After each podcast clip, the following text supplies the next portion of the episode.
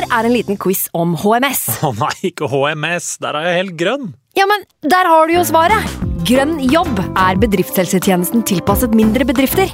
Våre HMS-eksperter hjelper mer enn 8000 bedrifter over hele Norge med alt fra lovpålagte HMS-krav til pålegg fra Arbeidstilsynet. Få på plass bedriftshelsetjeneste på grønnjobb.no.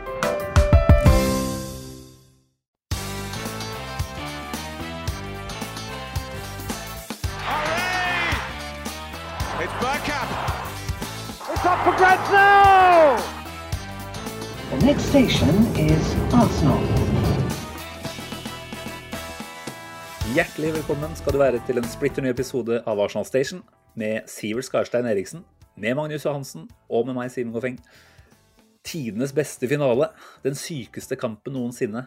120 minutter for historiebøkene. En legende som endelig fikk løfte trofeet. Nei, jeg snakker ikke om VM-finalen 2022, men selvfølgelig om Arsenal 3, Hull City 2 på festdagen 17. mai, da Michael Arteta var med på å gjøre slutt på den ni år lange trofétørken. For en dag det var, Magnus. Ja, der var vi jo, Simen. Så- Vi var jo det. Det var det som gjorde dagen. Vi var jo, ja, jeg vil si at vi bidro bitte litt eh, fra vår eh, posisjon på tribunen. Eh, Jeg gråt Sånn at- ca. like mye som disse argentinerne gjorde i løpet av de første 20 der. i første. Så- jeg gråt enda mer eh, etter åtte minutter. Det var 2-0-2 faktisk i den kampen der. Da, da var livet tungt. Uff, ja, ja. Desto bedre da når, når det går bra. Det er litt sånn mm, Det er litt sånn skrudd sammen som mennesker at hvis vi får litt motgang, så smaker eh, medgangen enda bedre. Det. Tusen takk, Hull og Steve Bruce, for at dere gjorde det til et helvete de første halvtimen. Men vi må vel være såpass ærlige og si at det var en det var en ålreit uh, VM-finale som ble spilt eh, tidligere i dag òg, søndag ettermiddag. Vi sitter her litt seinere på kveldinga. Uh, vet ikke om du fikk uh, fulgt nøye med, men litt sånn som VM har vært gjennom hele mesterskapet, egentlig for min del. Så litt her, så litt der. Og så vel det siste, siste halvtimen av, av ordinærtid og hele ekstraomgangen og straffekonken. Det, det skal jeg innrømme gladelig. Ja, nei, jeg skal ikke ligge, sitte her og som en sånn skinnhellig type som ikke ser eh, det som ruller over skjermen. Jeg så hele finalen, og, inkludert ekstraomganger og, og straffespark. Og mest opptatt av den der oppklipte XXL-brynja fra forsvar, norske forsvaret med påklimpende sånn der eh, juleglitter som Lionel Messi måtte ta på seg når han løfta trofeet, som ødela det bildet for historiebøkene. Uh, utover det så var det en jævla bra finale. Da. Mm. Jeg må jo si det. dog uten Saliba på banen. Eh, kan jo plukke en høne med Deschamps, eh, tenker jeg, fotballforbundet i Frankrike. Men eh, jeg, vil påstå at hadde Saliba spilt den kampen her, så hadde det vært de marginene som skulle til for å bikke det i Frankrikes favør. Opamecano har jo sett helt grusom ut, syns jeg, i det mesterskapet her. Eh, og jeg klarer ikke å forstå at han får spille foran Konate og Saliba. Eh, Konate hadde jo en dritbra match nå i, i semien. Kanskje beste spilleren til Frankrike. Og enda skal, ha, skal han Upamecano inn igjen. Og han var vel delvis skyld i det, det første målet, hvis jeg ikke husker feil. Ja, han gjorde mye rart, så vidt jeg kunne se. Hadde en fantastisk blokkering òg, skal nevnes. Eh, Ja. han, eh, jeg husker ikke akkurat når det var, jeg, men eh, han har vel kanskje ja, vet ikke, jeg spilt mer med Varan, eh, som gjør at man velger det trygge. Eh, åpenbart er jo derfor også Varan velges, eh, tenker jeg. fordi isolert sett så er jo ikke han selv om han selvfølgelig er en kjempestopper fortsatt, så syns det er tegn på at han også begynner å både trekke litt på åra og ikke nødvendigvis ha den samme fysikken. Så det er ikke noe tvil i hvert fall om at Saliba er main man i det midtforsvaret her i neste mesterskap. Nei, han har vel fire-fem VM foran seg. Iallfall fire, vil jeg si. Mm. Eh, 16 år, ja det skal kanskje holde hardt, da, men eh, tre minimum må man ha. Eh, Hvis ikke Wenger får det som han vil, da hadde vi kjøre annethvert år etter hvert. Ja, og da kan det bli klubb-VM inn i bildet her, har jeg skjønt, på Fifa. Sånn at Nei, eh, La oss ikke det blir mye. VM Orker ikke det akkurat nå. etterpå. Kanskje etterpå. Kanskje på slutten. Ja, nei, men eh, Saliba hjem uten eh, VM-tittel, eh, det er vel kanskje ikke noe han isolert sett blir så veldig ødelagt av. Det er ikke sånn at han må ha to ukers uh, avkobling på en strand for å komme seg gjennom nedturen som det er å tape en VM-finale, men eh, åssen uh, tror du det gir utslag for han, uh, kontra det å eventuelt ha vunnet? da? Det blir jo fullt av spekulasjoner, det. Men kan vi nesten si at det er like greit at de, at de tapte.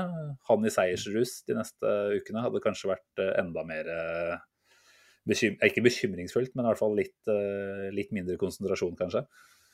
Ja, og det er jo litt sånn det paradokset som vi opplever som supportere av klubber òg. At, eh, at, vi tenker liksom kun på uh, hva det vil si for Arsenal. og det, når Martinelli røk, så jubla jeg hemningsløst i sofaen. For jeg tenkte at da kommer han hjem og slipper å spille en, en bronsefinale eller en finale. Og Saliba, han, uh, han slipper kanskje å være med på feiring på Champs-Élysées nå. Uh, kanskje han setter seg på flyet rett til, til London igjen. og ja, kanskje med stigende aksjer på et vis. For han var um, Fikk ikke muligheten til å vise seg fram. Og det var en Opomecano som jeg syns uh, leverte varene dårlig. Som er en rival ikke bare nå, men i framtida. Og en Varan som åpenbart om fire år ikke er Eh, Sannsynligvis ikke spiller. Så da, da, tenker jeg at Saliba har mm. all grunn til å, å føle på at han har alle muligheter i framtida. Samtidig uh, som at han har litt å bevise også. fordi at han var den beste stopperen i Premier League eh, de første 14 kampene.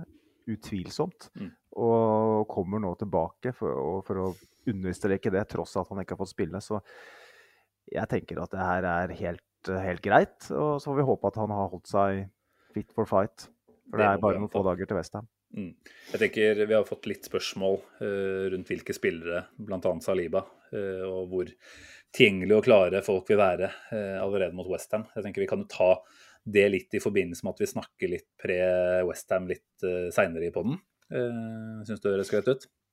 Yes. yes. Uh, for de observante da, som hører at vi bare er to karer som sitter her og prater, så kan vi jo unnskylde Sivert med at han uh, har vært i både barnedåp i dag og prioriterer ganske godt i aften med å drikke øl.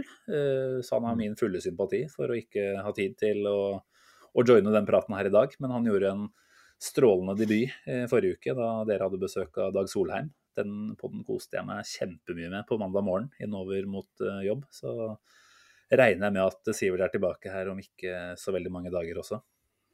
Ja, det kommer mange muligheter, for å si det sånn. Og Sivert er jo ung og åpenbart da en fyr som er ute og drikker øl, sånn i motsetning til oss litt eldre, som stort sett sitter hjemme og våger å opp, si. Eh, Iallfall for min del. Så det er eh, alle muligheter. Litt sånn som Saliba, så kommer den unge og lovende tilbake eh, og skal bevise.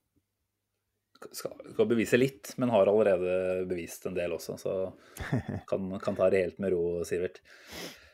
Eh, vi kan vel starte med å nevne samarbeidet vårt med Arsenal Norway. Det er på sin plass her i starten. Eh, det er jo et eh, samarbeid som nå, som du var inne på forrige episode, har strukket seg faktisk et års tid. Det er helt riktig, det. Det er så lenge. Vi har vært med på oppturen. Medlemstallet går stadig oppover, og det håper vi jo de lytterne som ikke har bidratt til ennå, faktisk hører på oss og, og bidrar til framover. Det er en kjapp tur inn på gunners.no finne blir medlemsfanen, og så er det gjort på veldig få strakser. Det er mulig å betale med VIPS og ting går fort, ikke sant. Og da får du jo ganske mange fine, ja, kall det gulrøtter eh, i tillegg, da. Ja. Eh, det er seks eh, tettskrevne versjoner av The Gunners Post. Det er 15 Eh, rabatt på fotballbutikk.no, som kjent veldig kjærkommen nå som draktprisene er høye og alle draktene er sexy.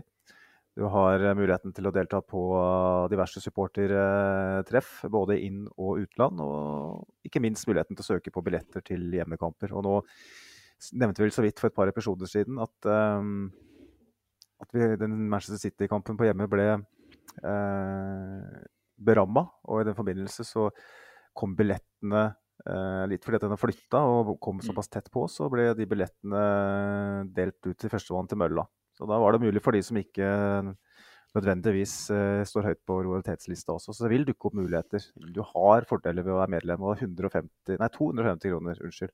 Og 150 hadde vært jævlig billig. 250 er bare litt jævlig billig. Og mm, for det så, så får du utrolig mange fordeler. Og så syns jeg det er mm. verdt å nevne at uh, Arsenal Norway viste seg fra en utrolig fin side når de ga 25 000 til den stiftelsen, er det vel, som eh, Mats Hansen har dratt i gang, er det ikke det? Ja. Eh, ja altså ikke, Det er ikke han som har dratt i gang stiftelsen, men initiativet her. Eh, mm. Vet ikke akkurat hva den heter. Men Er det rett fra fram opplevelser? det tror jeg ikke, men det husker jeg ikke. Nei, det var andre, kanskje. Eh, God reklame for dem, i hvert fall. Men eh, altså et raust bidrag fra supporterklubben, og det, det syns jeg er noe vi, vi supportere skal være veldig stolte av å stelle oss bak. Altså, vi vet jo at dette her blir kanskje en ekstra kjip jul for mange. eh, For noen, for mange. Med den verden vi lever i, med de økonomiske forpliktelsene man har, og da i større grad begrensningene også. Så veldig fint å se at man, man har eh, radaren på og bidrar når en sånn mulighet eh, dukker opp. Rett fram opplevelser er riktig, var rett faktisk. framme. Ok, Bare, så bra. så da har vi gitt reklame til rett uh, spleis. Da er det bare å gå inn og, og bidra mer, hvis det er noen som skulle føle uh, seg ønsket. Yes. Da skal vi snakke litt fotball igjen. Ja. Det er jo faktisk en kamp å prate litt om nå. Som vi har sett hele. vi jo, hadde jo Dag her forrige episode, som nevnt. Og han eh, Vi snakka litt da om sånne blod-hardcore-supportere. Han hadde jo snakka med en Aston Villa-fan som ikke hadde gått glipp av mer enn Han hadde ikke gått glipp av en eneste kamp eller treningskamp siden 70-tallet, eh, eller hva det var. Eh, Som er bare helt utrolig vanskelig å se for seg at det er mulig. Mm. eh, Ettersom man kjenner folk som dør, og som gifter seg, og som døpes osv. Eh, Det skal ofres litt her, da. det skal ofres litt. Um, men vi er nok ikke av de verste, da, Simen. For jeg måtte prioritere familien i går, så jeg så bare en halvtime. Sivert hadde ikke mulighet til å se, og du, så ikke, du hadde middagsgjester. Men vi har jo sett litt høydepunkter. Jeg så en halvtime, vi har lest oss litt opp, så vi skal prøve å si noe fornuftig om, om kampen. Um, tenker det er greit å være ærlig på det, i stedet for å late som man har sett eh, match, og så lyser det veldig fram at man ikke har gjort det.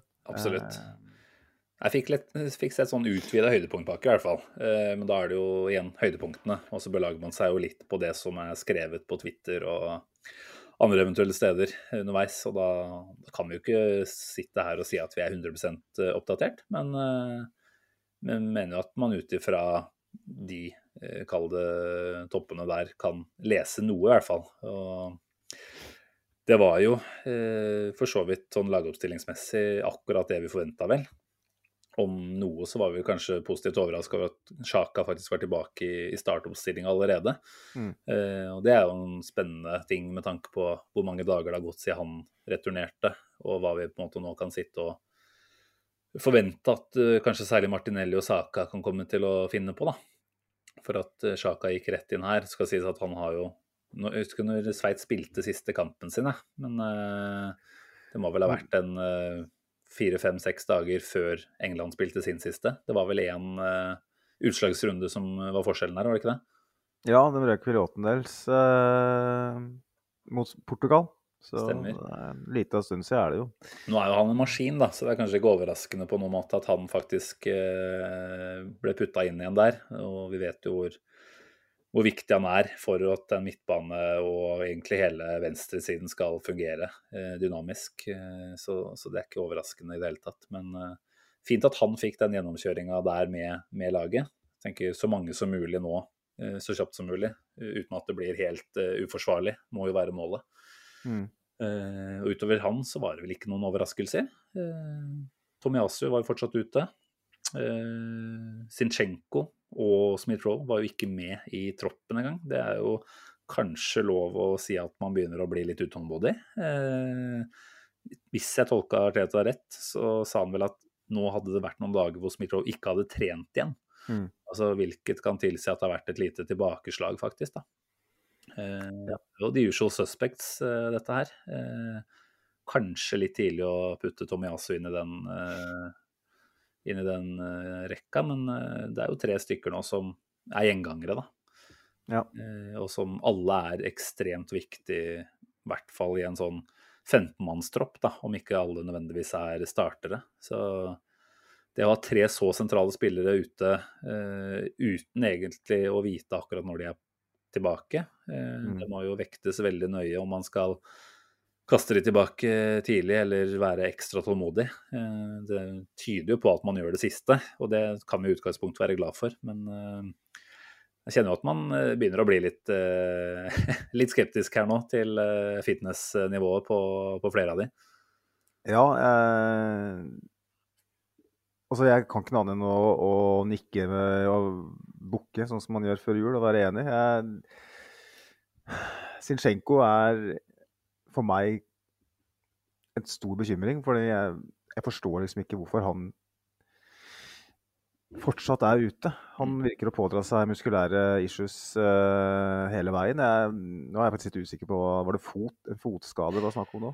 Ja, Det skal jeg ikke si at jeg veit Jeg nøyaktig. mener Altså. Teta sa det. Um, og det har vært andre ting han har slitt med. Uh, nå har jo han hatt pause uh, over lang tid, og han var liksom inne igjen rett før pausa. Og det var snakk om at nå, nå er han uh, klar igjen. Um, Tomiyasu han, har jo, han var jo ikke fit i VM engang, uh, så det overrasker meg for så vidt ikke. Um, Smith-Joe også, som har hatt en langt, langt skadefravær. Eh, kanskje er det naturlig å anta at han vil få noen setbacks nå i, i starten etter en operasjon. Eh, men Zinchenko for meg er litt sånn hva, hva er det som skjer der, egentlig? Mm. Og så viktig som han vil være, spesielt nå med Jesus ute i tre måneder, den erfaringa han har fra å spille i lag som kjemper hele veien innenfor ligatitler og andre, andre Viktig poeng, det, altså. Eh, Jeg føler vi trenger han veldig nå. Eh, Men eh, kanskje Kanskje er han ute hele juleprogrammet, ikke sant? Og da, da blir det kjør på Kieran Tierney. eh, Spesielt hvis Tomiyasu er ute, for da kan du ikke kjøre han på bekken Når du sier det på den måten der, så kjente jeg at jeg veldig prekært frykter at Tierney er ute en stund snart også. Det Men er, det, også positiv her. ja, men sånn, nå er det jo sånn, da, vi var jo, gikk jo veldig positivt ut, eh, ut av kamp nummer 14 i ligaen eh, på toppen av tabellen. Og vi har nesten glemt at vi leder med fem poeng, for at det har skjedd ganske mye. Mm. Jesus-skaden har vi jo snakka om, ikke sant. Så har vi såpass mange andre spørsmålstegn. Eh, vi snakka om game changers eh, tidlig i sesongen, når vi så at Saliba, Zinchenko og Jesus gikk inn og bare revolusjonerte Mm. hvordan det fotballaget her spiller. Eh, nå kan det hende, nå går vi fort inn i den Westham-kampen uten, uten noen av dem.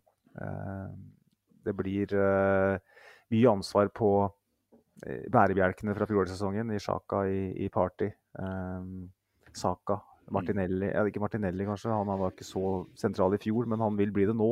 Uh, sånn at jeg håper virkelig at, at spillere da, som Party eh, og Tini da, i det tilfellet her, som ha, har en skadehistorikk, nå tåler den belastningen som kommer. fordi at Mm. hjemme mot Westham, borte mot Brighton, hjemme mot Newcastle er det vi stirrer på før vi skal inn i enda tøffere kamper. Eh, og selv om vi skulle få inn noen i starten av januarvinduet, så, så vil ikke den være Jeg blir overraska om, om noen av har noen nysignering på plass som spiller eh, betydelige mengder i januar allerede. Eh, så vi må, vi må lite litt på det vi har eh, i tida som kommer. Så dårlige nyheter, vil jeg si, på, skadefronten. Og Reece Nelson også, da, som Ja, går av en hamstringskade i, går. Hva tenker du rundt det, og Mm. hvor mye som da igjen hviler på skuldrene til eh, Martinelli og? Martinelli igjen, da. Nei, jeg tenker jo det betyr fort at Martinelli blir nesten tvunget til å starte mot Westham. Jeg tror ikke vi har alternativer egentlig der ute. Så nå kunne selvfølgelig Nketia spilt der dersom han hadde et annet alternativ på topp. Men eh, sånn som det ser ut nå, så må Martinelli rett inn. Eh, Og så får man ha Markinios på, på høyresida fra starten av, kanskje. Fabio Vera, selvfølgelig. Jeg tar tilbake det siste. Jeg skal ikke, jeg skal ikke glemme han. Men eh, Nelson ute der nå, det er jo trist for Arsenal, selvfølgelig. Men det er jo, jeg ble først og fremst veldig lei meg på hans vegne. Eh, så ganske fortvila ut der og så, så reaksjonen. Eh, det er klart En eksplosiv spiller som han kan man vel frykte at har dratt en hamstring ganske kraftig. da. Og vi snakker vel fort fire uker, da. Det mest hektiske programmet vi har, Ja. eh, går han glipp av. Og kanskje hans beste mulighet nå da, til å virkelig vise at eh, han hører hjemme i Arsenal også etter denne sesongen her. Så skikkelig nedtur. eh, og ikke minst så gjør det at bredden er Den er egentlig borte. Nå, Ja. nå er det plutselig ikke bredde lenger. Eh, altså en startelver med alle tilbake nå er jo selvfølgelig Martinelli, Enketia og Saka på de tre øverste der. Men eh, så har du en Vieira som kan steppe inn, en Marquinhos som kan steppe inn på, på høyre. Eh, men per nå så har du egentlig ikke noen åpenbare på venstre, selv om han Amario Coaster Dewberry ser jeg har fått mye skryt, så tenker jeg vi skal mm. ikke legge en 17-åring eh, laglig for hogg eh, når vi er med i en tittelkamp eh, og forventer for mye. Så jeg tenker jo om noe, da, at eh, der man ikke etter Jesus-skaden nødvendigvis tenkte at det endrer så mye på planene, Eh, det gjør det kanskje ikke nå heller. Jeg tror Mudrik har vært planen, men nå tenker jeg at den, den må gjennomføres. Altså en mm. spiller som kanskje først og fremst er en venstrekant, da, men som også er anvendelig i de tre fremste posisjonene. Eller fire, mm. eventuelt. Så jeg tenker nå må vi, nå må vi ha inn noe mer. Og ganske fort, egentlig. Ellers så, ja. så frykter jeg at selv om Martinelli ikke har spilt mye, og ha, han tåler vel kanskje en, en del, men igjen, det handler om ikke være for sårbare. Så nå tenker jeg at det bør stå en, en blond, en annen blond ukrainer klar på innportene uh, 1.1 omtrent, altså. Altså én skade unna Markinios i, i førsteelveren, på en måte. Eller Geira går kanskje inn foran, men han er jo òg et alternativ i, på midten, ikke sant. Mm. det er i en uh, situasjon med fem poeng uh, sluker på toppen, så er det ganske blekt. Mm. som jeg sa, jeg har vanskelig for å si at det skjer vel, noe veldig fort i januarvinduet. Jeg tipper det kommer til å være forvandlinger. Sjaktar har rett og slett vandret inn i et sellers market her. Eh, Ser at Arsenal trenger en bedrift nå. Ja. Nei da, for Sjaktars del så er jo dette her perfekte nyheter. Ja. Rett og slett. Så Arsenal kommer ikke til å betale 100 millioner euro for uh, Mudrik bare fordi at Manchester United uh, fikk fullstendig hjerneblødning og betalte det for uh, Anthony. Nei. Nei, eller så... fordi Arsenal betalte 72 millioner for PP. Godt poeng. Men det var under en annen sportslig direktør, får vi si. Får vi unnskylde oss med. Ja. Men nei da, det er klart at dette her er tynt. Veldig, veldig tynt. Så, mm. Og én ting er jo skader, og en annen ting er rett og slett hva er det man kan kaste på når kampbildet trenger det, eh, som skal være med å bikke kampene i vår favør de neste ukene. Det er, eh, det er, jo ikke fantastiske nyheter på noen som helst måte, det her. Så altså, vi, vi, vil jo ikke gå inn i juletida nå med en downer og inn i det som er en veldig god eh, tabellsituasjon, eh, og være altfor negative. Men eh, jeg tenker eh, det er en skikkelig reality check det her da, på at Arsenal Eh, som helhet fortsatt er i hvert fall ett hakk unna City eh, når det kommer til bredde eh, og muligheter til å, til å hjelpe seg selv, da, rett og slett. Her mm. har vi et helt annet, en helt annen forutsetning, både når det kommer til å kunne kaste inn gode alternativer og til å kaste penger etter nye spillere. Og så er det klart at den VM-perioden nå her har jo egentlig vært en reality check òg. For vi fikk de skadene som vi ikke fikk i, i tidligere i høst. Mm. Altså, vi må jo bare stikke fingrene jorda, i jorda, og si at vi hadde ganske mye marginer i løpet av den perioden. Vi, vi unngikk eh, skader på viktige spillere, iallfall alvorlige skader. Sentrallinja vår var nesten urørt hele veien. Uh, Party var kanskje ute én eller to kamper. Uh, that's it. Uh, og Saliba, Gabriel, um, Sjaka, Gabriel Jesus, ikke sant? alle er inne. Ødegaard er inne. At det, at, det, kom en sånn alvorlig skade på en av spillerne, det måtte vi bare regne med. Selv om det der syltynne håpet vi hadde om å vinne ligaen og sånn, avhengig av at vi hadde den flaksen. og så får vi i tillegg skader på spillere som kanskje eh, ikke er nødvendigvis bærebjelker, som er viktige eh, for å kunne si, ja, fylle den første radene på benken. Eh, og ikke minst sånn som Zinchenko, som bør spille også. Det her forteller jo oss at, at vi trenger å gjøre noe. Eh, og jeg ser jo tilbake på januarvinduet i fjor eh, og tenker at da trengte vi også å gjøre noe. Men uh, klubben hadde is i magen. Ender opp med å ikke bruke en milliard på Vlavic. Uh, får en Gabriel Jesus som sannsynligvis er et bedre kjøp. Uh, mens nå føler jeg at det må være litt mer trigger-happy også. For mm. vi er i en posisjon nå som er veldig annerledes. I fjor så tenkte vi at topp fire er mer enn det vi forventer. Nå er vi faktisk handler ikke om topp fire, nå handler det om ligagull. Eh, enda, i hvert fall. Og topp fire. Og topp fire, selvfølgelig. Begge deler, Men, eh, altså- det er liksom sånn nå Jeg er veldig spent på Mm. om vi ser en annen utgave av eh, det tohodede beistet Edu Arteta nå i januar. For det tror jeg vi trenger hvis vi skal eh, følge City et, et stykke, Mm. i hvert fall. Eh, Topp fire, det, ja, det jeg, ja. bør vi ta uansett. Bør. jeg tenker det er masse røyk her nå, da, rundt uh, Mudryk særlig. Ornstein har jo vært ute og, og tydeliggjort det samme, ikke sant. Eh, og ser jo også at det snakkes om en pris ned i 35 millioner eh, pund, ca. Mm. Eh, så jeg tenker nok at Arsenal Altså dette med 100-millionerstallet er jo helt ut av Bare tatt ut av en eventyrfortelling i Sjaktas øyne. Og så tenker jeg jo et eller annet sted mellom 35 og 50 er nok der man ender, da. Og så får vi se hva Arsenal klarer å, å få til. Men det var vel Brentford, muligens, i sommer som eh, var ute etter eh, samme mann, eh, med flere andre òg. Og det var vel snakk om et bud på ca. 25, var det ikke da? Som der ble avslått. Så har det selvfølgelig vært en prisstigning nå etter det han har gjort i Champions League. Men at, at det sånn objektivt sett er mulig å, å kreve noe særlig mer enn 50 for de sportslige prestasjonene han har vist til, det tenker jeg er litt urimelig, nesten. Men så er det som du sier, da. Eh, hvilken situasjon er det Arsenal står i akkurat nå?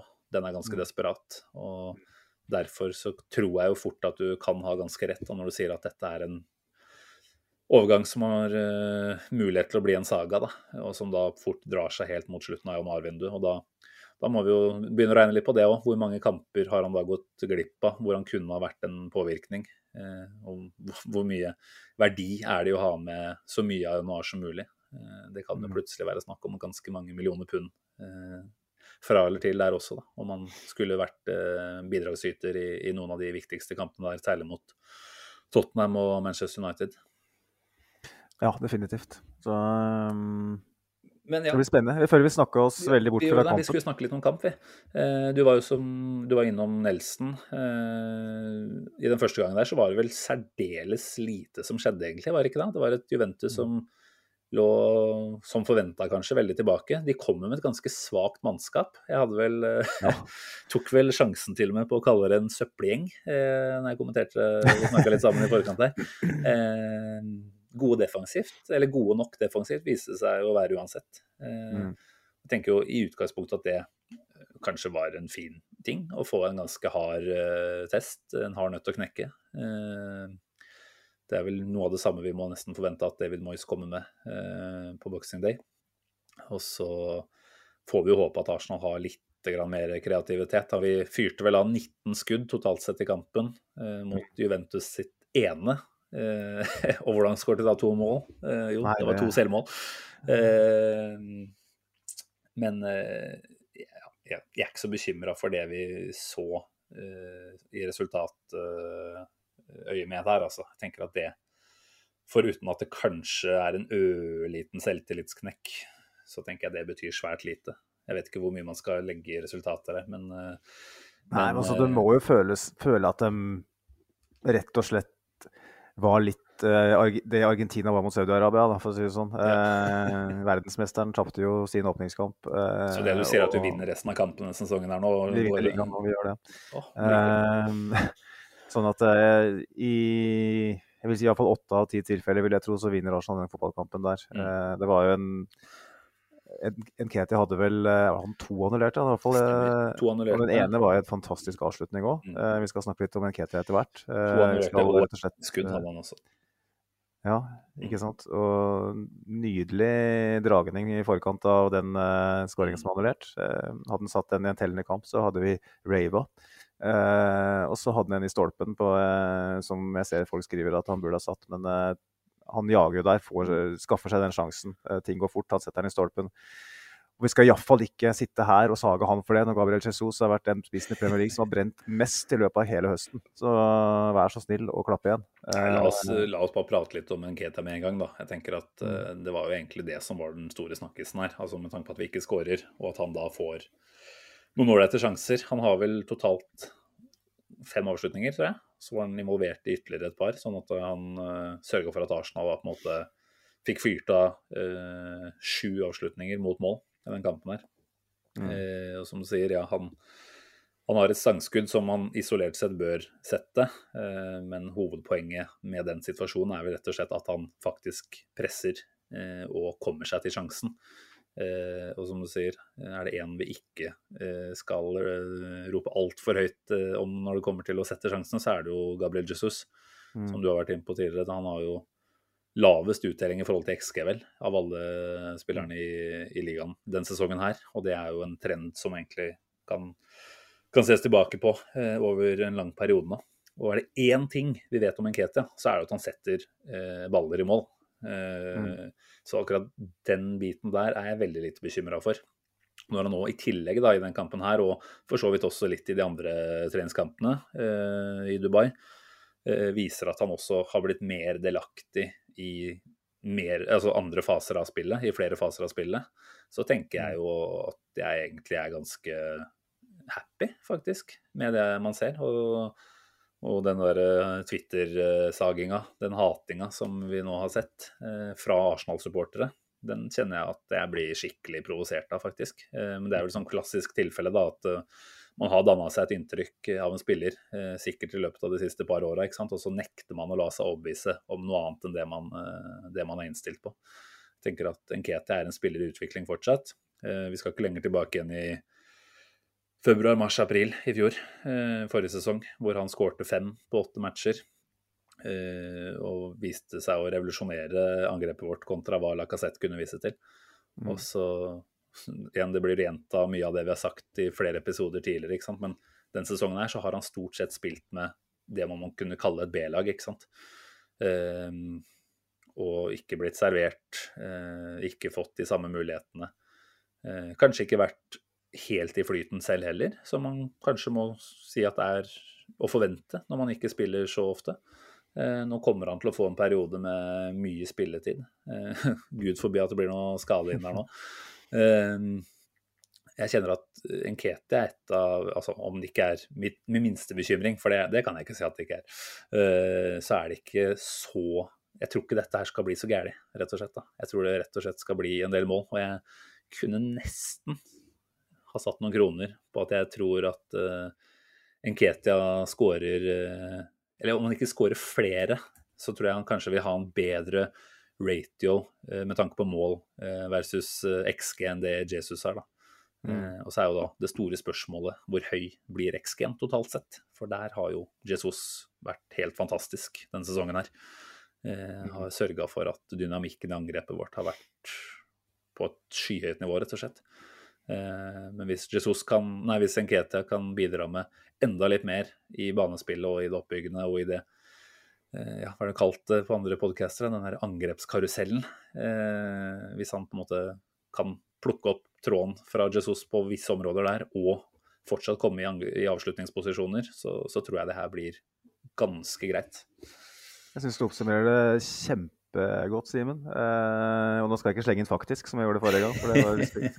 Eh, men eh, jeg føler jo at Nketia lider litt av at han ikke er Gud, og ikke Jesus. Eh, han, han, er jo eh, Jesus sin viktighet er så åpenbar, ikke sant? Og så um, blir liksom eh, jeg vet ikke, en slags følelse av at ting glipper litt fra hendene våre her. Og så.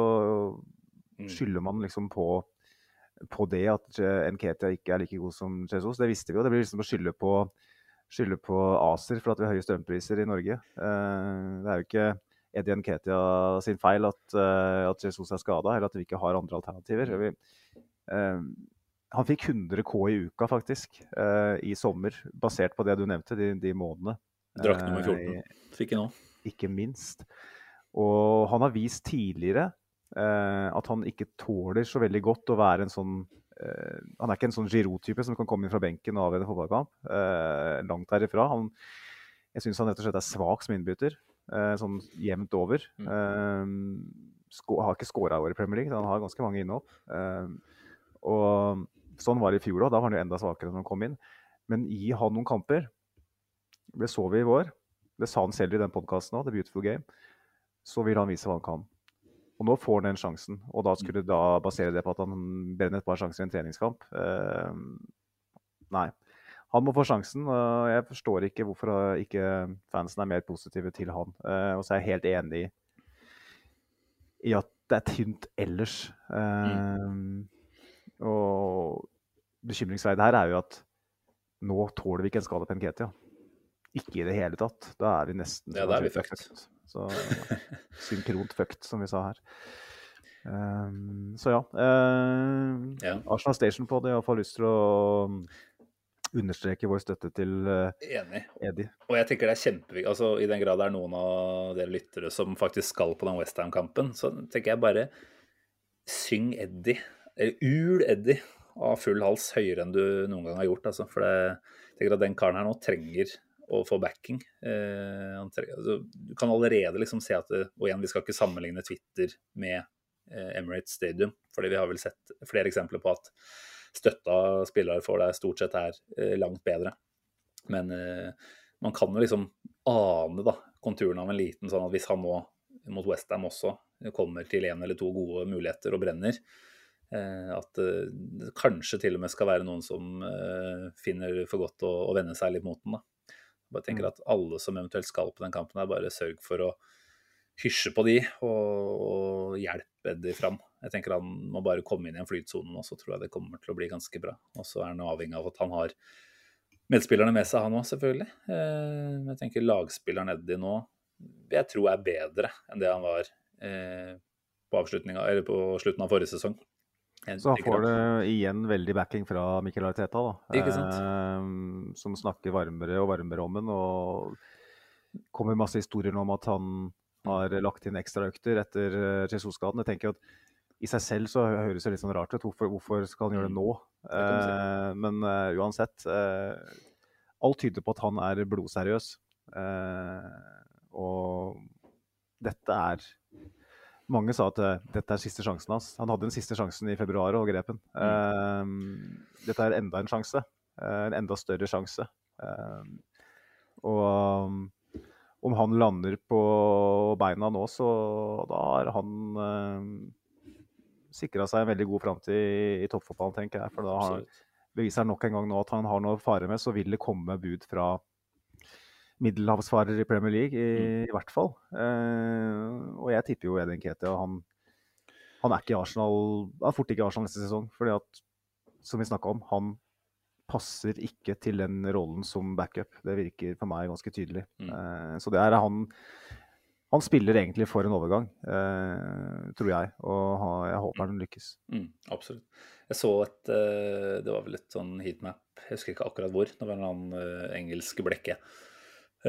Som kunne vise til at han nå i løpet av de siste kampene Ja, igjen, det er treningskamper blant annet her, da har, et, eh, eller har bevegelser og touch på ballen som samsvarer mye mer med det Jesus har hatt eh, tidligere denne sesongen her, og som er ganske annerledes da, enn det Eddie selv hadde på slutten av forrige sesong, hvor han kanskje i større grad var den der bakromstrusselen som lå helt i frontlinja og, og pressa, mens han nå er mm. Eh, dypere. Eh, vi har jo sett tidligere i sesongen her at han har vært en del i venstrekanalene, Eh, ettersom han har blitt satt der når Jesus har spilt ren spiss. Og det var vel poenget jeg gjorde for et par episoder tilbake òg, at jeg tror jo det også er en ganske vesentlig styrke nå. da, At man har en Altså, jeg føler Jesus var jo ikke bare Jesus, det var jo også samarbeidet med Martinelli, og hvordan de to veksla på. Og jeg tenker at hvis Eddie nå kan eh, adoptere eh, litt av de bevegelsene, sånn at Martinelli fortsatt får lov til å skinne på den måten han har gjort òg, så, så, svekker det på en måte ikke laget som helhet eh, like mye heller, da. Så mm, jeg velger å ha i hvert fall veldig tro og håp, eh, som i kjent stil for min del kanskje, på at dette her skal kunne gå bra. Men eh, krysser jo definitivt alt man har nå da, for at det her blir den siste skaden. Altså at Nelson ut blir den siste skaden på en liten stund. For ellers så, så er det lite å, å by på framover etter hvert. Mm.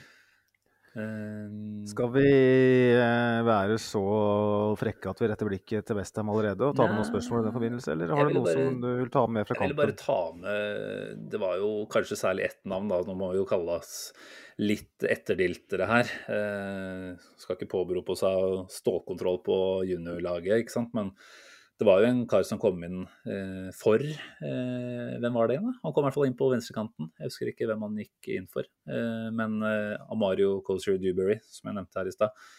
Eh, jeg så et par compilations av det han gjorde. Og har jo også brukt litt tid på å se på det han har gjort for reservelaget tidligere i sesongen. Og det var helt ekstremt hvor mye han minner om Bukayo Saka. Det var helt vilt. altså Likheten i løpesettet, eh, måten man fører ball på, eh, tyngdepunktet, måten man vender på. Det var som å se en Bukayo Saka-kopi. da, og Nå kommer han inn på venstre i den kampen her. Eh, men jeg ser jo folk skriver at han i utgangspunktet er mest en høyrekant. da. Så der har vi jo Jeg vet ikke, vi får se da, hva han har å by deg på kontra Markinios. Men jeg syns han i hvert fall så ekstremt spennende ut uh, ut ifra de klippene man kunne se nå mot Juventus og fra tidligere. Uh, igjen 17 år, litt tidlig å legge altfor mye press på den karen her, men uh, føler at han kanskje har gjort seg fortjent til uh, litt førstelagsfotball, rett og slett. Mulig at Oxford-kampen i FA-cupen kan være en mulighet for et innhopp til, i hvert fall. Absolutt, det tenker jeg er eh, naturlig òg, at han vil få, få, en sjanse i en sånn type match. Eh, kan bare støtte meg til det du sier. Jeg, har ikke sett noe særlig før for uh, Jeg så han var vel inne mot uh, Hvem var det spilte mot i siste treningskampen her? Milan? Ja. Den kampen så jeg jo. Hvis det var den, hvis ikke var den første. Men iallfall så Han gjorde inntrykk. Han, han, tok veldig tydelig ansvar. Og var ingen måte en type som uh, virka prega av, av, anledningen. Så det er sikkert Personlighet har sikkert mye å si i, i årsaken at han har fått såpass mye spilletid òg. For det er ganske mange om beinet uh, der òg, av de som kommer bakfra. Um, det var vel kun han og Envaneri, var det ikke da? Og de akademispillerne som fikk betydelig med spilletid. Han, mm. Jeg må jo si det òg, da, vi, før vi avslutter det segmentet, at um, dette er jo første gangen jeg har fått et noe særlig inntrykk av Envaneri på banen for førstelaget. Um, små, små ting, men han er 15 år, altså. Dæven døtte. Mm. Eh, måten han fikk eh, dra, eh, dratt seg fri der på å få løsne et skudd med venstre, blant annet. Eh, de, de vendingene han gjør der. Eh, du ser at her er det et eller annet. Eh, man forstår at her er det noe helt spesielt, bare, bare basert på noen få øyeblikk i en, en treningskamp. Mm. Jeg kjenner at jeg blir veldig, veldig spent på hva, hva vi har å forvente der. og veldig redd for at vi mister den. For nå, mm. nå, står de der storklubbene i kø. Chelsea selvfølgelig. Så har han der eh, Top Gun Todd kasta hatten sin inn i ringen. Han er jo på alle. Men jeg håper at Isen Envaner er litt smartere enn Omari Hutchinson, eh, og blir jeg tenker Omari Hutchinson gikk, ja, fordi han visste at Envaneri kom eh, like bak her og uansett ville være foran i køen. ja. Nei, men jeg er helt enig. Det er lov å være litt uh, småbekymra for både Maneri, Louis Kelly er det også samme situasjon rundt, ikke sant. Så jeg tenker jo at nå har han fått noen uh, drypp uh, og smaken på førstelagsfotball. Og hvis han plutselig ser at veien blir altfor lang fram igjen nå, kommer litt an på igjen hva man henter i, i vinduet, kanskje. da. Uh, men det er nok en som ser for seg at igjen, han er 15 år. Det er helt latterlig å skulle ha dårlig tid da, men mm. Men vi får håpe da at han bruker Bukayo som kanskje det beste eksempelet på at her er det muligheter for å, å vokse og bli en av de absolutt store. Det er jo place to be akkurat nå når det gjelder unggutter, uten å si noe mer. Så mm. åpenbart eh, andre motivasjoner hvis han skulle finne på å gå, enn eh, det sportslige. Mm. Nei, men da tenker jeg vi kan eh, rette blikket mot Westham, som du etterspurte her. ta med spørsmål fra lyttere først, da for å mm. bake inn de. Eh, Lasse Mariussen på Twitter eh, spør om Saliba starter hjemme mot Westham. Eh, mens Lars Moe Billington spør om vi tror at Martinelli og Saka er klare mot Westham. Mm. Skal vi starte med Saliba? Ja, jeg fikk jo også spørsmål fra Dial Square, på, eller Dial Norge, mener jeg, på, på min personlige Twitter. Han lurte på om Holding burde starte mot Westham. Eh, Holding kommer til å starte mot Westham, så uh, ikke noe å lure på det, tror jeg. Nei, jeg tror også det. Uh, Iallfall så lenge Tommy Assa er ute. Uh, for da kunne man jo selvfølgelig kjørt inn uh, White. Uh, en annen løsning er å kjøre Ben White og, og Gabriel, og så kjøre Cedric på høyrebekken. Men da hadde han gjort det mot Juventus. Ja, hadde det, vet du. Så jeg tenker det er ganske interessant, faktisk, at man ikke ser det. Eh, det sier jo litt om, hva, om hvor godt fornøyd Arteta er med den jobben eh, Ben White nå gjør som en høyreback. Altså med det som utgangsposisjon, og hvordan det på en måte funker inn i det oppbyggende. I tillegg til at det kanskje sier litt om hva man tenker om Cedric. For det er klart at Rob Holding har han har store begrensninger når det kommer til å fordele ball. Det er det ikke noe tvil om. Så man må tenke litt annerledes med han der. Vil veldig gjerne unngå at han skal gjøre tre-fire forsøk på å slå den ballen eh, ned i høyre kanalen i bakrommet, bare for å slå den ut eh, ved dørlinja. Så jeg tror Saliba ikke er klar mot eh, Westham. Eh, fysisk ville han sikkert vært det, men jeg tenker det er helt fair. at Han, han reiser jo sikkert ikke hjem før nå i, i morgen. Lander tirsdag. Eh, nå er det for så vidt eh, da ikke kamp før på mandag, da skal sies. Men, eh, men et eller annet det er, ikke, det er ikke helt utenkelig? Det er ikke helt utenkelig, det er ikke det, altså. Men, men vi ser jo at tendensen nå har vært at, at man gir spillere mellom fire og seks dager kanskje fri. Mm. Bare for å rett og slett få en slags mental avkobling. Få mulighet til å få et lite perspektiv, rett og slett. Jeg tror det kan være sunt i lengden. Og så, så er man good to go. Men selvfølgelig, altså igjen, i en desperat situasjon så, så, har vi sett at Arsenal har tatt litt desperate valg tidligere, kanskje særlig med Party, som man burde unngått å kaste rett inn mot Palace etter landslagspausen i februar, men la oss ikke tenke på det nå. Eh, skulle selvfølgelig ønske at han var klar, og at det var det beste han kunne gjøre, men jeg tror faktisk at han har godt av en ørliten pause. Eh, mm. altså Da snakker vi noen få dager, men bare for liksom Eh, resette hodet. Eh, nå har vi jo ikke sett eller hørt noe fra han etter eh, Egentlig ikke underveis i mesterskapet, og heller ikke etter. Det er litt vanskelig å si hva han tenker om alt. ikke sant? At han har ja. sannsynligvis spilt litt mindre enn det han har sett for seg også. Eh, må vi jo kunne tro, med tanke på at han faktisk fikk en del minutter i kampene før mesterskapet. Så nei, jeg tror ikke Saliba starter eh, mot Westham. Jeg er spent på liksom hvor, hvor, mye har spillerne selv å si i, en, i den situasjonen. Kan de bestemme sjøl om de vil rett tilbake på feltet, eller, de, eller blir de rett og slett beordra til å nå skal du ta noen dager bare for å, som du sier, uh, clear the air, og så komme tilbake når du har, er klar. Uh, vi vet jo at Sjaka var veldig gira på å komme tilbake, men han var jo òg på noen dager uh, det var farta rundt i en yacht, så jeg, med grønn joggedress. Og så har vi en Tomiyasu som var veldig tydelig på at han helst ønska å få noen dager, dager. Mm. ellers. Så jeg vet ikke hva spillerne har å si sjøl her, men uh, det er som du sier naturlig å anta at Holding, holding starter. Um, jævla synd at Tomiyasu ikke er, uh, er, fit, for da kunne han ha starta på bekken og White inn med Gabriel. Mm. Uh, for Holding Du har for så vidt sagt det, men jeg vil supplere med at jeg vil ikke se Holding stå høyt og prøve å bryte foran. Uh, når Jared Bowen eller uh, Ben Rama eller hvem det er, prøver å komme seg rundt den.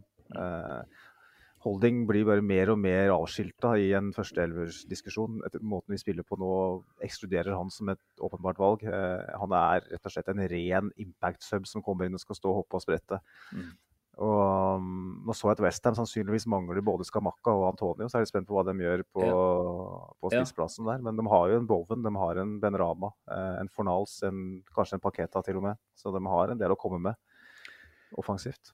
Jeg så jo bare kjapt på den eh, De spilte jo 1-1 mot Fullham nå, eh, samme dag som vi spilte mot Juventus, altså lørdag. Og bortsett fra Rice, da, som fortsatt ikke er tilbake, Paketa, så starta jo de med det beste laget sitt. Eh, rett og slett.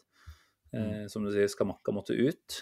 Eh, og med tanke på at ja, det var tolv minutter eller noe sånt som hadde gått der, kan vi jo tro at det betyr at han ikke nødvendigvis er klar. Men med unntak Nei, det vet vi ikke. Og med unntak av han, så, så hadde de gågutta sine på plass, de altså. Det var vel. De har jo litt Backrekka deres er jo litt uh, Cresswell er ute, uh, Zuma er ute. Er de ikke det? Jo, og Bonna og Dawson som starta. Og så har det jo Emerson på venstrebekk, som jeg tenker er bedre enn Cresswell. ja, Det kan du si, da, men Og Fall ja. uh, på høyrebekken har vel vært solid, om ikke så god i år. Eh, Men selvfølgelig, altså det er jo utgangspunktet en, altså Hvis vi skal se like for like mot Arsenals backrekke, så er jo vi i utgangspunktet bedre der. Men eh, man kunne jo håpe på at Westham skulle vært enda litt mer eh, tynne i rekken enn de òg. Så har de en omtrent første elleve framover. Sosjek, Lanzini, Fornals, Bowen, Benrama. eh, I tillegg da til Skamakka som måtte ut. Så de er nok eh, ganske klare. Eh, Men at Rice ikke er tilbake allerede, det må vi jo anta, da. Kan vel anta at han og Saka er i samme båt og kanskje, kanskje er i en tropp, men ikke nødvendigvis starter. Men igjen, Men det høres rart ut, det òg, vet du. Det gjør det. Jeg er ganske sikker på at Rice starter, jeg, altså. Eh, men Saka og Martinelli sammen med Nketia foran der mot en, en Dawson eh, langs bakken, hvis vi får satt i gang litt kombinasjonsspill der jeg, Ja, det, Ok, det er Så du tror åpenbart at- Saka er eh, fit fra, eller klar fra start her? Ja, jeg tror, Ja. jeg tror både Martinelli og Saka starter. Jeg skulle si at jeg var ganske sikker på Martinelli-start nå, etter Nelson. Mm. Det føler jeg meg trygg på. Eh, Og med tanke på at de røyk vel omtrent samtidig. Gjorde de det? Ja, det gjorde de vel. Ja, de en dag eller to mellomrom. Mm. Eh, Så bør jo de være i samme båt sånn sett, da. Eh, matchfitte er de jo begge to. Ja, ja. Nei, de, de, jeg tror begge de starter. Mm. Eh, Det vil overraske meg hvis de, de ikke gjør det. Eh, Jeg hadde liksom bare en feeling på at Saka ikke ble kasta rett inn i startelveren her, men eh, Han kom jo etter, etter EM i, i fjor, så kom han jo tilbake. Han stilte jo alle kampene i fjor, selv om han kom til finalen der. Mm. Ja, nei, det er klart. Litt, litt av tanken min var vel at jeg syns Vieira har sett bra ut uh, siste treningskampen her, det jeg har sett. da. Og uh, igjen, det er ikke i nærheten av den samme type spilleren som man får som med Saka der, selvfølgelig. Men at uh, det ikke ville være så presserende, da. Og eventuelt la Vieira spille de første 50, eh, for så å sette inn Saka det meste andre gangen hvis situasjonen tilsier at man trenger det. Eh, spent på Vieira nå de neste månedene, for han kom jo egentlig Han kom vel skada, gjorde han ikke det, i sommer? Og fikk liksom ikke en ordentlig oppkjøring. Eh, fått litt her og litt der. Har jo sett at eh, det er veldig mye fotball og teknikk som bor inn. Og så har han liksom ikke helt fått eh, Ja, han har ikke fått tida nødvendigvis heller, ikke sant. Eh, det har vært såpass eh, godt stilt på skadefronten at han ikke har Man har ikke trengt å kaste den inn så ofte. Men eh, der er det så mye råpotensial, altså. Jeg er skikkelig spent på hva han kan eh, diske opp med. Men ikke Absolutt. nødvendigvis fra høyrekanten. Godt mulig at det blir en indreløperrolle på han etter hvert. da. Mm. Ja, nei, altså Det er jo heldigvis sånn at vi, at vi da tåler at kanskje da Saka starter på benken. Eh, at den er i troppen tar jeg for gitt, nesten. Ja, ja enig.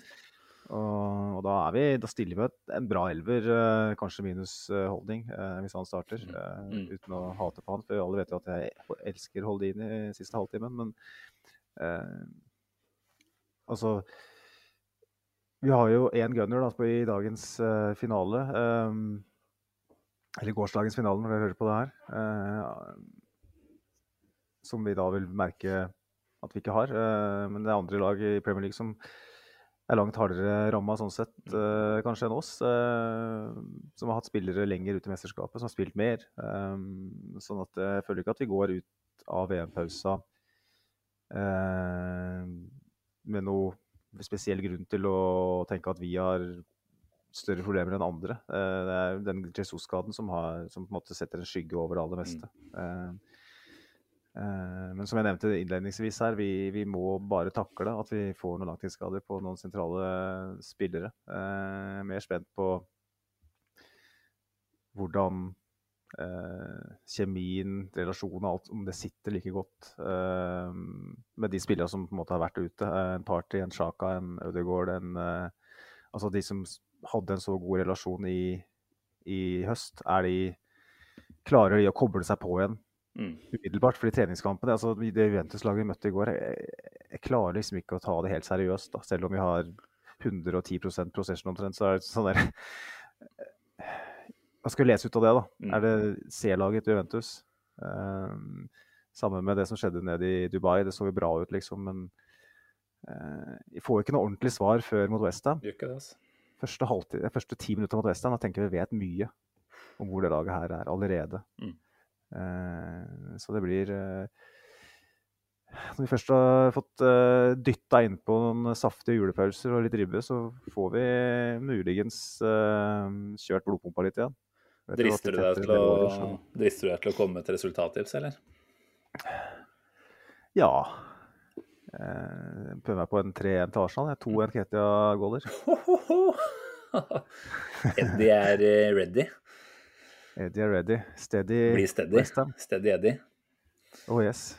Oh, um, Nei, det, det liker jeg. Det er et bra forslag. Uh, skal jeg si at uh, Westham ikke kommer Jo Nei, jeg melder, uh, melder 2-0, jeg. 2-0, ja. Konservativt. Kjedelig. Men vi tar det. Det er ikke kjedelig. Det er det, Det vi trenger for å komme deilig. Altså, jeg sa det jo her uh, for en stund tilbake, at den første kampen her, selv om det bare er en kamp, det er bare tre poeng og bla, bla, jeg tror den er viktig, altså. Komme seg i gang igjen nå. Eh, vanskelig bortekamp mot Brighton i neste. Altså, hvis vi får de tre poengene mot uh, Westham, må anta at City vinner sin. Jeg husker ikke hvem de spiller mot, for å være helt ærlig. Eh, men, eh, men jeg tenker at eh, de tre mot Westham nå, komme i gang igjen, eh, det tror jeg betyr så mye. Og vi så jo, ikke sant, den, eh, den preseason-formen og godfølelsen som vi tok med oss inn fra sommerkampene og inn i Premier League. Den bare vedvarte og vedvarte. Så kan vi si at ok, nå fikk det seg en liten dupp mot Juventus. Får vi se om det på en måte, på en måte bare er den ene lille duppen. Da. Men uansett viktig å få den godfølelsen tilbake igjen i størst mulig grad så fort som mulig nå. Og da, Mm. da kan vi begynne å surfe igjen, da, vet du. Satser på det, at den bølgen eh, tar oss eh, helt til mai. Um, noen eh, ytterligere spørsmål har vi fått. Det var et fra Fredrik Sandborg på Twitter. For så vidt et nesten vanskelig spørsmål. Hvilke spillere som har utmerket seg i VM, ville dere signert i januar? Det er klart, Hvis man skulle bare tatt helt sånn drømmescenario og ikke nødvendigvis tenkt noe i januar, så er det jo et par åpenbare navn der, med Bellingham som det aller største. Eh, Mm. Men altså, spillere som har utmerka seg nå, og som faktisk kunne kommet inn i januar og, og bidratt. Eh, Har du noen navn på blokka da, eller? Egentlig ikke. Det er eh, Jeg, jeg litt et par på Marokko som eh, har imponert, selvfølgelig. Det blir jo, blir jo litt farga av, av det. Jeg syns jo Man snakker om kollektivet til Marokko, men uh, jaggu noen gode enkeltspillere der òg. Mm. Liverpool er linka til han Amrabat. Eh, jeg syns jo han så jævla bra ut, jeg. Eh, 50 millioner pund eller noe. Det er dyrt, da, men han eh, spiller med en sånn type ro i den eh, dype Mm. delen av midten. Eh, virker å være på rett plass til rett hele tida. Leser spillet godt, styrer spillet, slår gode pasninger. Eh, var hjernen egentlig i det defensive kollektivet til, eh, til Marokko, som nest, burde egentlig vært i finalen. Eh, mest uflaks og litt udyktighet at de ikke kom seg forbi Frankrike. Så han Vi vil snakke midtbanespiller, så syns jeg han var spennende. Han er 26 år, ser jeg. Fyller ikke 27 før i, i august. Nesten for han er gammel. da. Nei, han er nesten for gammel. Altså, jeg tenker at han har allerede vært 27, så hadde jeg tenkt at det var uaktuelt. Og jeg tror ikke Han han er er jo, aktuell han er jo 26 fram til han er 27, er ikke det man sier? I hvert fall. Kanskje enda lenger, til og med. Men eh, nei, altså vanskelig å liksom både si hvem som har utmerka seg, og som på en måte realistisk kunne kommet inn i januar. Men hvis man skulle tenkt litt sånn Det må jo være noen som faktisk kan komme inn, og ikke bare være en eh, en mulig brikke nå i noen måneder for så å skulle ut igjen. Det må jo være noe man ser for seg at kan spille en rolle inn i, inn i det som skal skje neste sesong òg. Og da, da må man kanskje igjen, som du snakka litt om i stad, ta med i betraktning at kanskje en Nketia turer, f.eks. Eh, såpass så er det han derre Kolumuani på, på Frankrike. Han som brant den gigantmuligheten i det 122. minutt, var det vel, rett før eh, ekstraomgangene var over der. Kunne jo blitt helten, selvfølgelig. Eh, som har sett ganske spennende ut. Eh, og som Ja, jeg kjenner jo ikke nok til spissen, men, eh, men han har visst gjort det veldig bra for Eintracht Frankfurt eh, tidligere denne sesongen her òg. Men igjen, han er på en eh, hype ikke sant, og kommer sikkert til å bli prisa godt opp pga. Siste, siste prestasjoner. Så hvis man liksom skal begynne å være realistisk igjen da, Arsenal punger ikke ut type 25-30 millioner pund for en sånn en, tror jeg. Nei. Eh, Så Markus Thuram, da, som har utgående kontrakt, eh, har vært linka til Tottenham. Eh, det er vel snakk om at Er det Borussia Mönchengladbach han spiller for nå, eller? Det er riktig, det. Ja. kanskje ikke krever noe mer enn mellom 5-7 millioner. 5 til 7, altså, ikke 57. Eh, kunne vært et spennende case. Bare å liksom kaste noen kroner etter han. Eh, være backup. Eh, forhåpentligvis gjøre en ålreit jobb, og nesten uansett kunne selge eh, med samme ja, om ikke noe stor profitt, så i hvert fall ikke med noe særlig tap. Nå må vi ta i betraktning at han sikkert skal ha en lønnsøkning og sånt hvis han, hvis han skulle komme til oss. da. Men, men, det er en type som det kunne vært artig å, å prøve seg på. Uh, liten downside, tenker jeg også. Så ble jeg jo mm, relativt uh, yr i uh, hvor, hvor ble du yr? Ja, mange steder. Hele kroppen når jeg så Jao Felix for eh, Portugal. Uh, ja. Og så dukka den der historien opp da rett etterpå om at han skulle bort fra Atletico. Og da tenkte jeg, Den har jo ligget der lenge. Ja. Den ligger der lenge, men eh, det ble jo bare ytterligere bensin på bålet. Mm. Eh, jeg er usikker på om han Jeg, jeg leste at han ønska, ønska, seg til PSG. Jeg vet ikke om det stemmer, ja. men i så fall så vil jeg ikke ha han. For at, hvis du ønsker å spille i, i liga A, da er du ikke seriøs i mine øyne. Nei, ikke for PSG i hvert fall. Altså, nei, Messi er ikke seriøs. Nei, men det er jo et eller annet med den daglige, daglige fighten om poeng. Det kan bli litt for lett i det miljøet der, ja. Mm.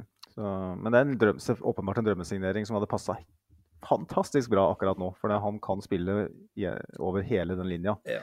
Eh, og ville vært en eh, en sånn type boost som kunne løfta hele klubben. Mm. ikke sant? Hvis man punger ut eh, en ja, må vi sikkert opp en 70-75 minimum millioner pund. Mm. Uh, det er minimum. Mm. Men Ja, det er fordi han kosta så inn i helvete mye når Atletico henta han. Det var vel godt over 100 millioner euro. Ja, 120-30 eller noe sånt. Er jeg husker på den tida, den, den gangen at man reagerte. Tenkte, mm. Man har ikke hørt om fyren engang, og så skulle den koste såpass med, med, med cash. Eh, han er jo rett og slett kunne det bra, da. Hvis jeg ja, det er, liksom, det er sjukt at han har spilt uh, under Simione i så mange år. I tillegg spilt under en coach i, i Portugal som også ikke nødvendigvis uh, spiller på styrken hans 100% Så han har jo enda ikke fått vist hvem han er. Men du ser jo råmaterialet der. Det, det er spinnvilt. Ja. Uh, her snakker vi potensielt Ballon d'Or, liksom, hvis han får ut potensialet sitt. Så det er en sånn sjanse som ligger der nå, da, som helt åpenbart vurderes. Det, det, det sier seg sjøl at de vurderer det, men uh, om de tør å kaste bortimot en milliard på den, det er spennende å se. Hadde du gjort det? Jeg vet ikke. 1 milliard kontra 40 for Mudrik, på en måte? Det er nesten så jeg vil, er mer fristende å betale en milliard for uh, Felix, da. Mm. Men uh, igjen han godeste Mudrik er ukjent kvantitet. ikke sant? Jeg har, sett, jeg har aldri sett en spille omtrent. Mm. Eh, jeg har aldri sett en hel kamp med Mudrik. Så det blir jo bare basert på hva andre sier. Eh, og jeg jobber ikke i et speidernettverk, liksom, og sitter ikke og ser uh, fotball døgnet rundt. Så da blir det vanskelig å, å si at jeg ville ha prioritert Mudrik. Men mm. en Joa Felix har jeg sett en del, og dæven fjellstøtte hugget hvis jeg kunne fått han i Arsenal. Da hadde, da hadde det blitt god jul godt nyttår. Altså. En uh, McAllister uh, har jo også hatt et ekstremt gjennombrudd. Og med adresse allerede i Brighton, så veit vi at han hadde jo sikkert kosta opp mot 70-80 millioner pund uansett. Så det, det, er jo ikke noe Arsenal-mat, det. Det lukter vel heller Chelsea i så fall. De fleste lukter Chelsea. Ja. det skal jo alle. Men ja. Ellers så er det ikke så noen her og der eh, er det, men Du har jo Gakpo, sånn... da, igjen, selvfølgelig, som igjen har vært linka Jeg har jo sett navnet vårt dukke opp, eh, men det er United som virker å kanskje være lengst framme der. Uh, igjen, det er noe med pris i forhold til hva man tenker at en spiss hos oss skal være på lang sikt. da. Uh, Gakpo kan jo selvfølgelig være både kant og spiss, han òg, men jeg føler at en Felix i forhold til hans versatility gir jo mer mening å kaste masse penger etter, kontra en en Gakpo som kanskje er først og fremst en ja. venstrekant eller spiss, da. Hvor vi allerede betaler ikke, betaler ikke uh, Antony penger for uh, Gakpo. Nei, det håper jeg ikke. Uh, det er farlig. Mm. så igjen, da, for å slå på en tromme som har blitt slått på før, så jeg så det jeg så av Kroatia, så jeg blir så dypt imponert av han Kovacic. Også, hvis Chelsea er litt interessert i å selge. de har jo ikke en identitet, så de kan jo finne på å gjøre ganske mange spillere tilgjengelig. Polisic er en annen som blir, blir nevnt en del, men dæven Mateo Kovacic også. Det hadde vært så gull. Eh, han, Mm. har, han er så utrolig god på det aller meste i det midtbaneleddet. Han vil han få ballen frem eh, gjennom ledd, han slår gode pasninger. Han, han truer bakrom. Han, det er klart Problemet er at han blir nesten en Sjaka, et Sjaka-alternativ, mer enn et Party-alternativ. Men eh, igjen, basert på det jeg har sett i VM, så blir jeg bare enda mer fysen på en sånn type. Ja. Uh, Ja, men Så det, det var noen gode det svaret. dette her. Vi får se at det er så langt vi kommer uh, i det svaret. Vi har bikka Ja. timen, vi, så tenkte vi skulle prøve å unngå det i dag, men det klarte vi ikke. Men da tenker jeg vi kan begynne å dra oss mot uh, slutten her. Eh, hvis ikke du har noen helt åpenbare ting du vil ta opp før vi turer? Lars Mo Billington han hadde jo et tilleggsspørsmål da, som Ja, kan sorry. ta med. Han spør uh, tror dere Rashford, som meldes å være på vei ut av United, ville vært en, en god signering, eh, Simen? Jeg tror ikke han er en Arteta-spiller, uten at jeg kan på en måte konkludere med det. Jeg, altså, det hadde vært kjempekult å hente han på en free til eh, sommeren. Ja. Og virkelig gitt han ja, selvtilliten tilbake. og det er klart, altså, En Arteta-spiller, hva er det? Men eh, at Arteta har vist at han kan få mye ut av angrepsspillere, og kanskje særlig kantspillere, det, det har vi jo sett flere ganger. Eh, så Sånn sett så kan det hende at det kunne blitt, blitt bra. Men igjen, det er jeg tenker, Får du han på free, så skal han i hvert fall 2,5 millioner i uka. Han hadde vært en starter. Eh, Jeg ser ikke, jeg ser ikke for meg at han danker ut verken Martinelli, Jesus eller Saka. Og da tror jeg ikke han blir riktig profil da, å hente inn i, det, inn i den gjengen, rett og slett. Altså, det er jo ganske det er, my, det er mye arbeid som er lagt i dette med å, å jobbe inn en god dynamikk rundt uh, mannskapet. Og han- altså, Rashford slår meg som en kjempetype, så jeg tenker ikke at han ville kommet Ja. inn og vært et problembarn på noen måte. Men det er et eller annet med bare hans status og posisjon ville ikke vært helt forenlig med de andre vi har i, i stallen per i dag. Da. Så Nei. jeg tror egentlig sånn sett så sier jeg nei takk, men uh, bare fordi det har vært jævlig kult, selvfølgelig. og rappe han fra United og, og gjøre han god igjen. Det, det hadde vært gøy. Ja. Men jeg tror ikke det Lykkes litt bedre enn vi gjorde med Welbeck, kanskje. Uh, men ja, jeg syns det. Ikke undervurder Welbeck. Det var, det var bra, det. Jo, at, Litt skada, dels. Til dels. Men uh, hadde noen viktige skåringer, det skal han ha. Uh, men jeg er nok litt sånn Jeg er litt spent på hva Teta kunne gjort med Rashford. Da. Mm. Eh, han har jo hatt en veldig brokete Tino med forskjellige typer filosofier inn og ut i United. Eh, hva kan en Mikel Arteta gjøre med han eh, på et treningsfelt over tid? Eh, kan jo saktens spørre seg hva en, eh, en Ten Hag kan gjøre òg. han har jo fått mye mer ut av han i løpet av et kvarter enn det han godeste Hva het han igjen, da? Han som var der nå i Å ja. han der, ja. Ral Ragnhild. Ragnhild, selvfølgelig. Ja. Det var det sjanseløst. Men eh, kunne han ha skrudd på noen knapper der, uh, Ariteta? Uh, fordelen med en Rashford uh, Hvis du tenker for Nå kommer han ikke an i januar, det ville sjokkere meg, da. Men hvis et fiktivt scenario hvor han hadde kommet i januar, så hadde det vært en sånn type som kunne ha vært Ja, ja. veldig bra, for at han kan spille både sentralt og ute på, ute på kanten. Han er ganske anvendelig. Men som du sier, det som bekymrer meg mest òg, er hva slags rolle forventer han når han kommer inn i Arsenal. Jeg ser ikke for meg at han skal inn og ha en like sentral rolle som en Jesus eller en eh, Martinelli. og da, da blir det kanskje feil plass for Rashford like, vel så mye som det blir feil for Arsenal. Mm. Ja. Um, mm. Mm. Mm. Eh, nei, men det er bra. Da har vi runda, spørsmålsseksjonen. Jeg har ett spørsmål til deg, da. Med tanke på at det nærmer seg jul her nå. Eh, du har jo datter som fortsatt eh, tror på julenissen, eller? Jeg vet ikke. Men eh, spørsmålet er rett og slett eh, så enkelt som hvem av Arsenals eh, nåværende spillere skulle du helst sett at var nisse på julaften for dattera di? Nåværende. Ja, det tenker jeg vi må si. Så blir det så Tenkte Hvis det var tidligere, så kunne jeg sagt Paul Merson, men, noe sånt, men uh, Unnskyld, jeg må bare kremte litt Ja, eh, på myteren. Der, vet du. Ehm, hvem er det jeg ser for meg har det glimt i øyet her og kan uh, ta en pute under genseren og sette på seg et skjegg og fremstå genuin? Um, den må jeg, jeg kan ikke tygge på det spørsmålet. her. Vi kan ikke bruke ti minutter på det jeg skal svare på det spørsmålet der. Det, det går ikke an. Um, hvem er det jeg liksom Jeg må tenke litt. Har du, et, har du tenkt gjennom det? Nei, altså, nå har jo ikke jeg noen datter, så da har jeg ikke tenkt så veldig mye på det. Men jeg må jo si at for meg så er det liksom verdens triveligste syn å se for seg Bukayo Saka komme inn med nissekostyme. Eh, jeg er litt usikker på den hoinga hans. Der tror jeg mer på William Saliba, litt sånn dyprøsta ho-ho-ho. Men eh, jeg tror Bukayo Saka hadde vært min eh, foretrukne der, altså.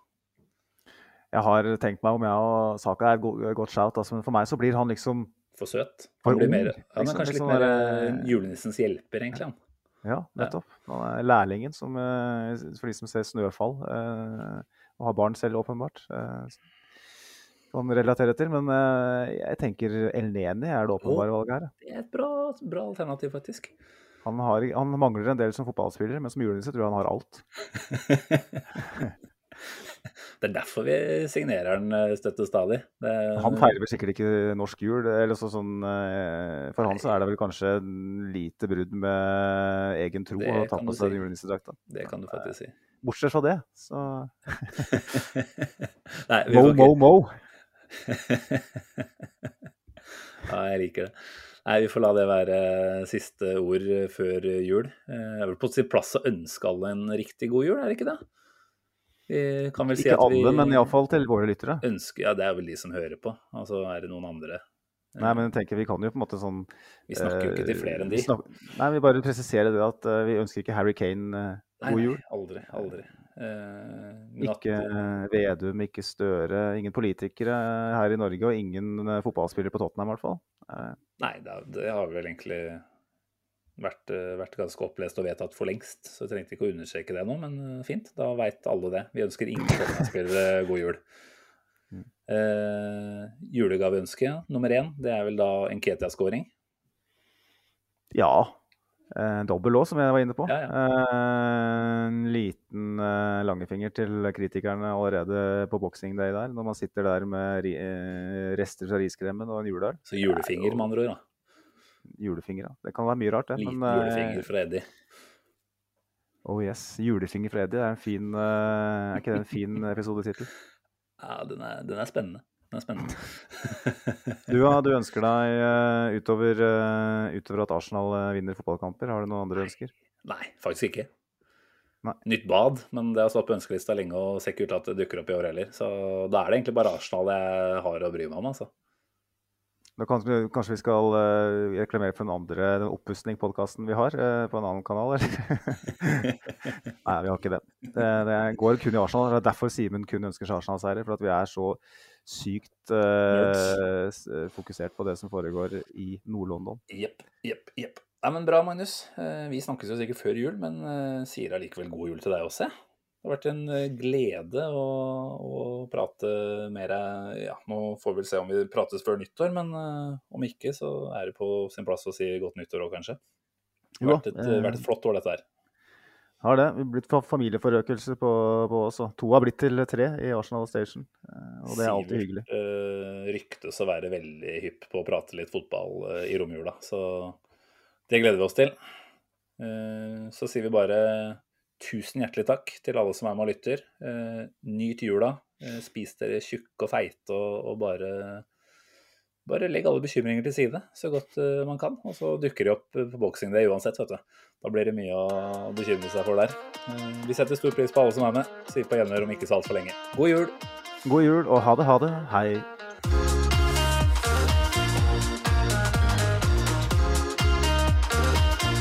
This train terminates here.